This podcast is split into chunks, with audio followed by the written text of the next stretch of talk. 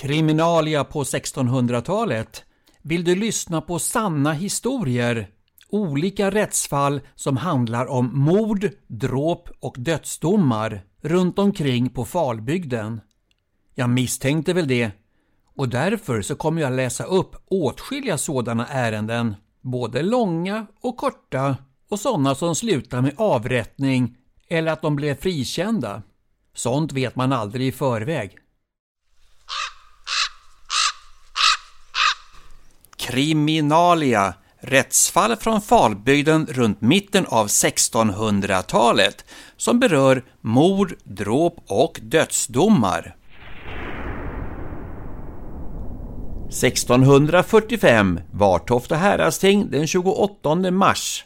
Då kom John Karlsson i Ljunghem i Sandhems socken inför rätten och på sin sons vägnar, som är ryttare på krigståg i Danmark, anklagade en ung lärd person, nämligen Sven Håkansson i Badene i Yllestads socken, att han hade övertalat sin sonhustru Kerstin Nilsdotter i Badene och ville rymma ur landet med henne. Det han hade påbörjat när de reste bort om en natt, men den andra dagen därefter så uppsöktes de av hennes svärfader, alltså denne John Carlson och häradsprofossen John Andersson i Näs.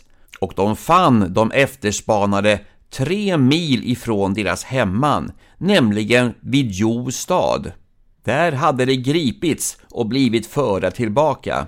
Allt detta bekände Sven Håkansson och sade därtill att denna hustru Kerstin Nilsdotter i Badene, hon hade besvärat sig för honom några gånger att hennes svärfolk, alltså makens släktingar, de var ogina och vållade svårigheter emot henne och antytt att hon ville lämna äktenskapet och fara därifrån. Så som att exempelvis ta en tjänst någonstans i trakterna av Uppland.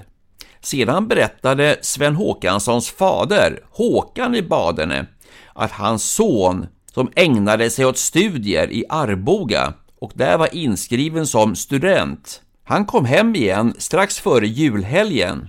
Men då hade han fått både häst och packning av sin fader så han kunde bege sig tillbaka till Arboga igen.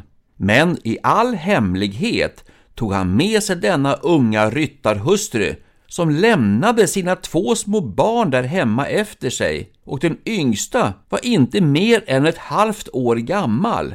Men han tog inte bara ryttarhustrun med sig utan också hennes tjänstepiga samt sin egen syster som också var en nygift och ung hustru eftersom hon på samma vis ville lämna sin make. Ryttarhustruns man befann sig utomlands i krig men Sven Håkanssons systers man däremot han sökte efter sin hustru, både hos sina egna föräldrar och hos hennes föräldrar, men ingenstans fick han vetskap om var hon befann sig. Då gick han hem och bröt upp kistorna, ty han fann aldrig nycklarna. Och när han öppnade kistorna fann han att de var tomma och att allt värdefullt var bortstulet. Allt detta fann han sedan hos sin hustru när hon återfanns i Jo.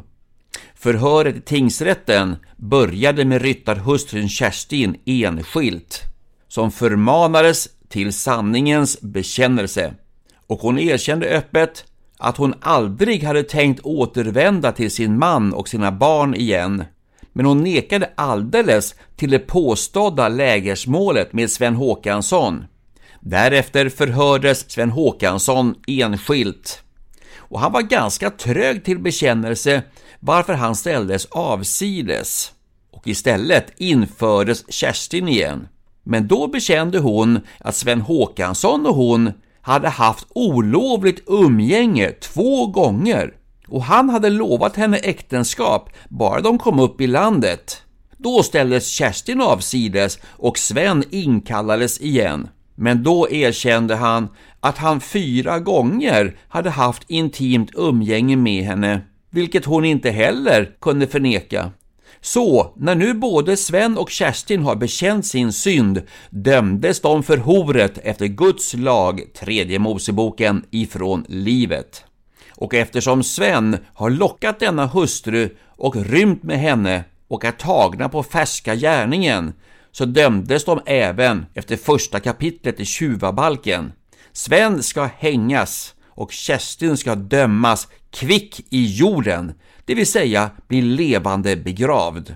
Nåden hemställs ödmjukligen till den höglovliga kungliga Göta hovrätten. Göta hovrätt den 12 maj 1645. En dom från Vartofta härad över en djäkne, alltså en student, Sven Håkansson, som har lägrat Kerstin Nilsdotter, en gift ryttarhustru, och rymt med henne sin kos. Sven har med Kerstin övertalat sin syster, som var nygift, att hon också skulle rymma från sin man och hon följde med dem några mil och har dessutom tagit med sig den största delen av hennes och sin mans gods. Sven och Kerstin bekänner sin synd. Men Svens systers sak är ännu inte dömd. Beslut. Sven ska böta 40 daler, Kerstin 80 daler, vilket motsvarade flera årslöner.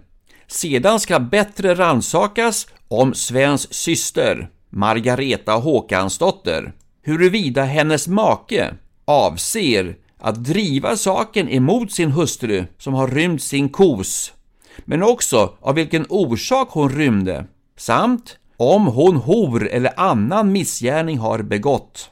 Med andra ord, ärendet fortsätter, men då bara med Margareta Håkansdotter. Vartofta häradsting den 7 juni 1645 samma dag upplästes brevet från Göta hovrätt. Som ville veta punkt 1 om Margareta Håkansdotters man är sinnad att utföra saken, det vill säga driva ärendet mot sin hustru Margareta Håkansdotter. Härtill svarades att hennes man Håkan Persson, han var tidigare sinnad att utföra saken emot henne så också att överge henne för de misstankar som han fattat om henne för denna rymnings skull. Men nu har han ångrat sig och utlovar bot och bättring. Han har också ångrat sig och tagit henne till nåder igen, det han nu också inför tinget lovar att han inte kommer att ändra på. Punkt 2. Så vill Göta hovrätt veta varför hon rymde, om hon hor eller annan missgärning har begått. Härtill kan inga skäl finnas. Inte heller finns några anklagelser mot henne, varken från hennes man eller någon annan.